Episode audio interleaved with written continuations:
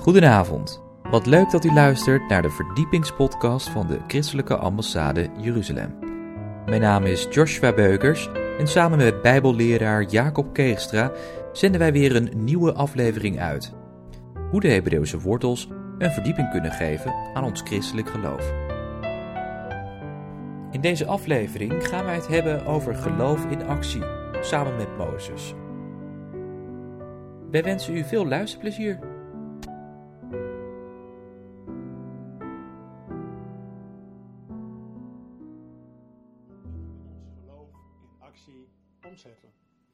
Wat kunnen we daarbij leren van de Bijbelse persoon Mozes? Welkom in de serie Geloof in actie. En als we deze keer het willen hebben over die Bijbelse figuur Mozes, dan was dat natuurlijk niet zomaar iemand. Hij was dé profeet in Israël, de leider van het volk voor de uittocht. Maar laten we eens kijken vanaf het begin. Welke keuzes maakte Mozes in zijn leven? We kennen natuurlijk allemaal het verhaal vanaf de zonderschool dat hij in een biezenmandje en dat hij eerst door zijn ouders verborgen was. Drie maanden lang en vervolgens in dat biezenmandje gered werd. Wel heel bijzonder dat het uiteindelijk over de leider van het Oude Testament, Mozes, gaat, maar rondom zijn geboorte wordt hij heel duidelijk beschermd door een aantal vrouwen.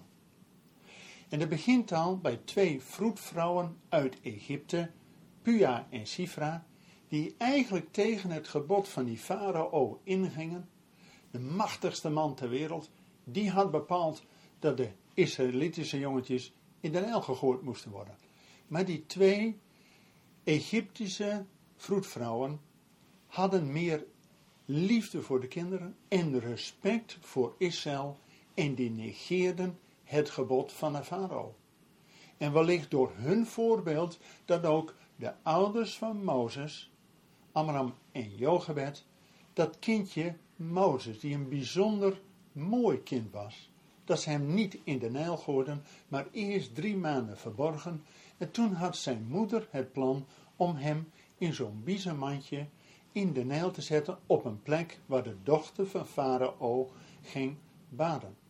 En dat die dochter van Farao hem uiteindelijk adopteert als zoon.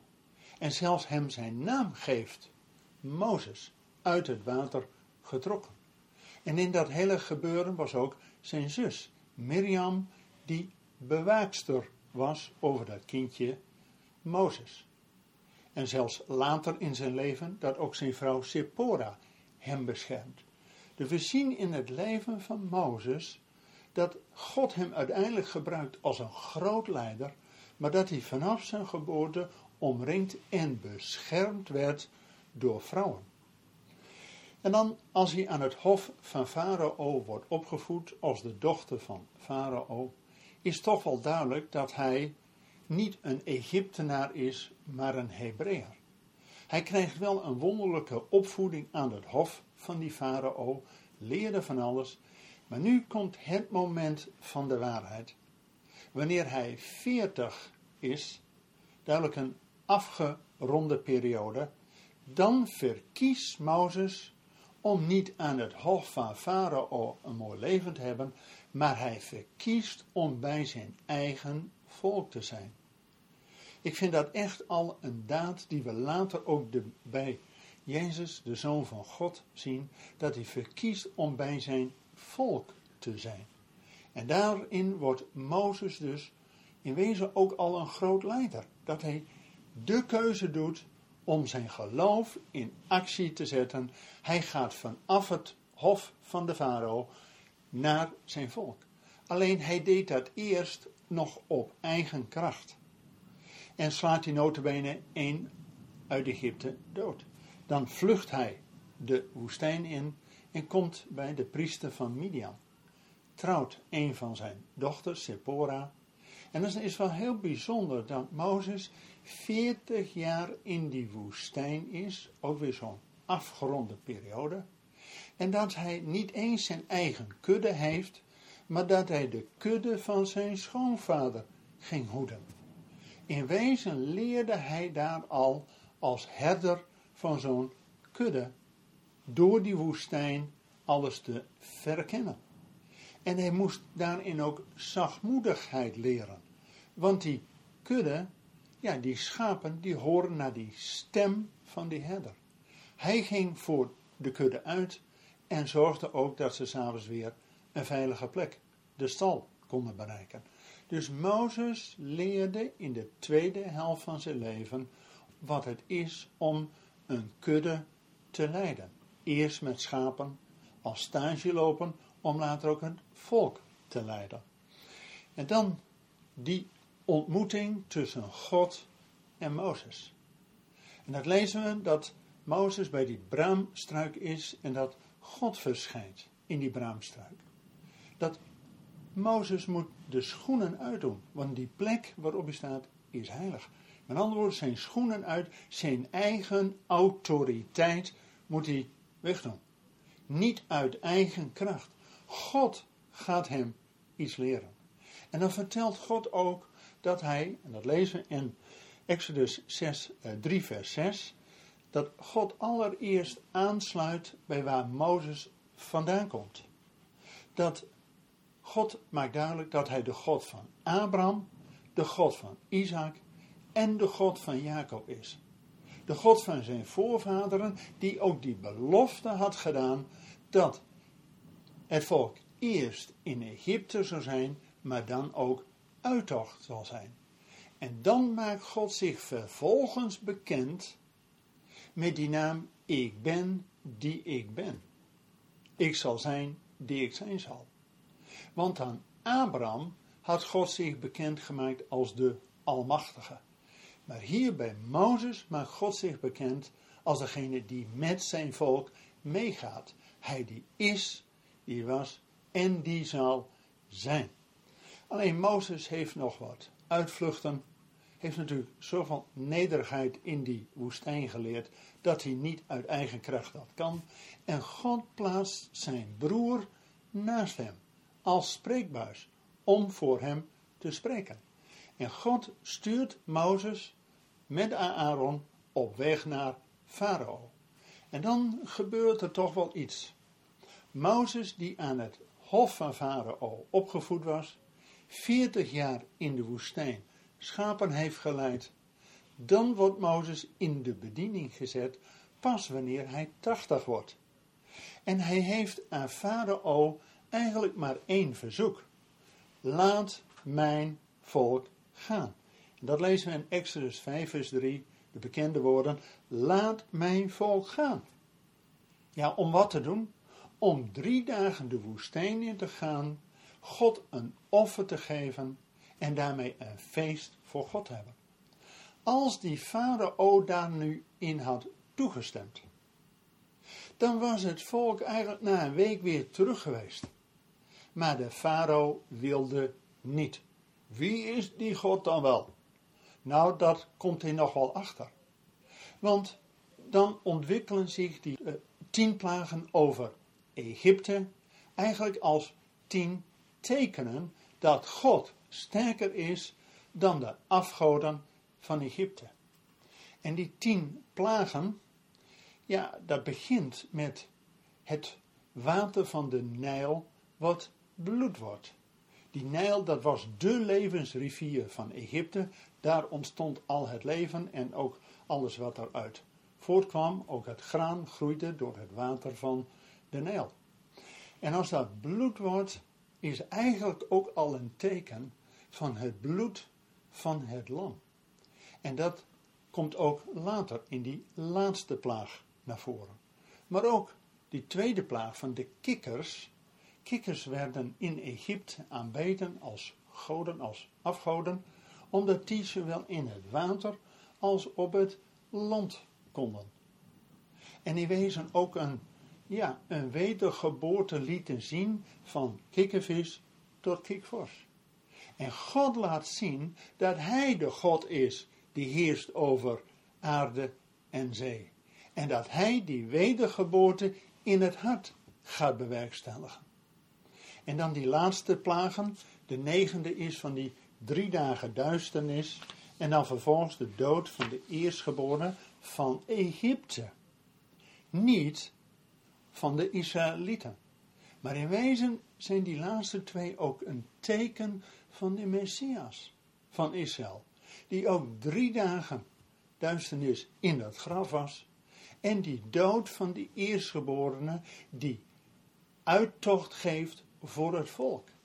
En pas door die opstanding van die Messias, dat ook zijn volk leeft vanuit die overwinning. En als die tien plagen over Egypte geweest zijn en Israël beschermd was, dat God degene die uittocht doet, dan is het ook die laatste nacht, de nacht van de uittocht, de Pesach, is dat het bloed van het lam aan de deurposten, zodat er bescherming was. Het was ook de veertiende Nissan, dat God had bepaald. En het was een nacht van waken om zijn volk uittocht te laten hebben. We hebben daar als christelijke ambassade een hele videoboodschap over die sedermaaltijd, hoe Israël dat allemaal beleefde en die vier bekers die met die maaltijd, die helemaal corresponderen met dit uittochtverhaal. Daarvoor kijk op ons YouTube kanaal.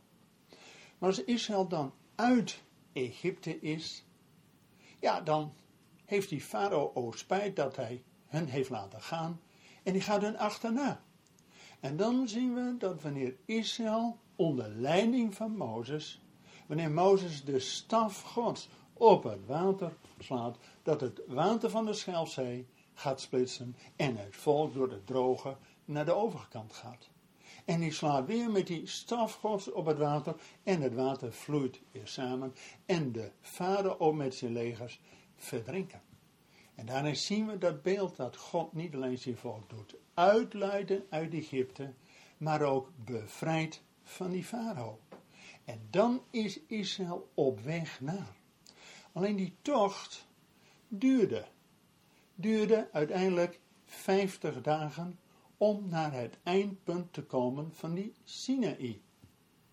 En die tocht begint om vanuit Egypte, is de eerste pleisterplaats in die woestijn, zijn Mara en vervolgens Elim. En tijdens die woestijntocht dat God zijn volk ja, voorziet in wat nodig is met het manna en de kwartels, maar ook dat die rots die met hen meeging, dat daar water uitkomt. Water als een teken van leven in die dorre woestijn. Eerst even terug naar die eerste pleisterplaats, Mara. Daar was water, maar dat water was bitter. En het volk wilde dat water niet drinken. En toch had God in zijn wijsheid besloten dat het volk van Israël uit Egypte eerst via dat water van Mara zou gaan. Want er zat namelijk een laxeermiddel in. Betekent dat wanneer ze eerst een vleesdieet hadden in Egypte en later op dat manna een brooddieet kregen, dat ze eerst hun duimen gereinigd werden. Maar ze wilden niet. Vervolgens laat God hen rusten in Elim, waar 70 palmbomen en 12 bronnen zijn. Als een beeld van ja, rust en van voltooiing, waar het volk tot rust mag komen. Alleen onderweg naar ja, die Sinaï, om dat feest voor God te hebben, zien we dat de tegenstander niet stilzit. Dat de Amalekieten ja, en die vechten niet van man tegen man, maar die gaan heel sneaky via de achterdeur het volk van God aanvallen, waar de vrouwen en de ouderen zijn. En dan gaat Mozes iets bijzonders doen. Hij neemt zijn broer Aaron en Hur, de stamhoofd van Juda, mee op de berg. En in die drie zien we al dat Mozes de staf Gods omhoog deed ondersteund door Aaron en Hur. Aaron is het beeld van de priester. Hur, de stamhoofd van Juda, van de koninklijke lijn. En Mozes is de profeet. Dus we zien in dat driemanschap waar profeet, priester en koning die staf van God omhoog hield als een teken van de banier, van de overwinning van God. En dan kon Josia in het dal gaan strijden en de overhand behalen. Dus zo zie je in het leven van Mozes dat dit weer een geloofsdaad is in actie. Hij had die staf van God omhoog als banier van overwinning, zodat Josia kon overwinnen in het dal.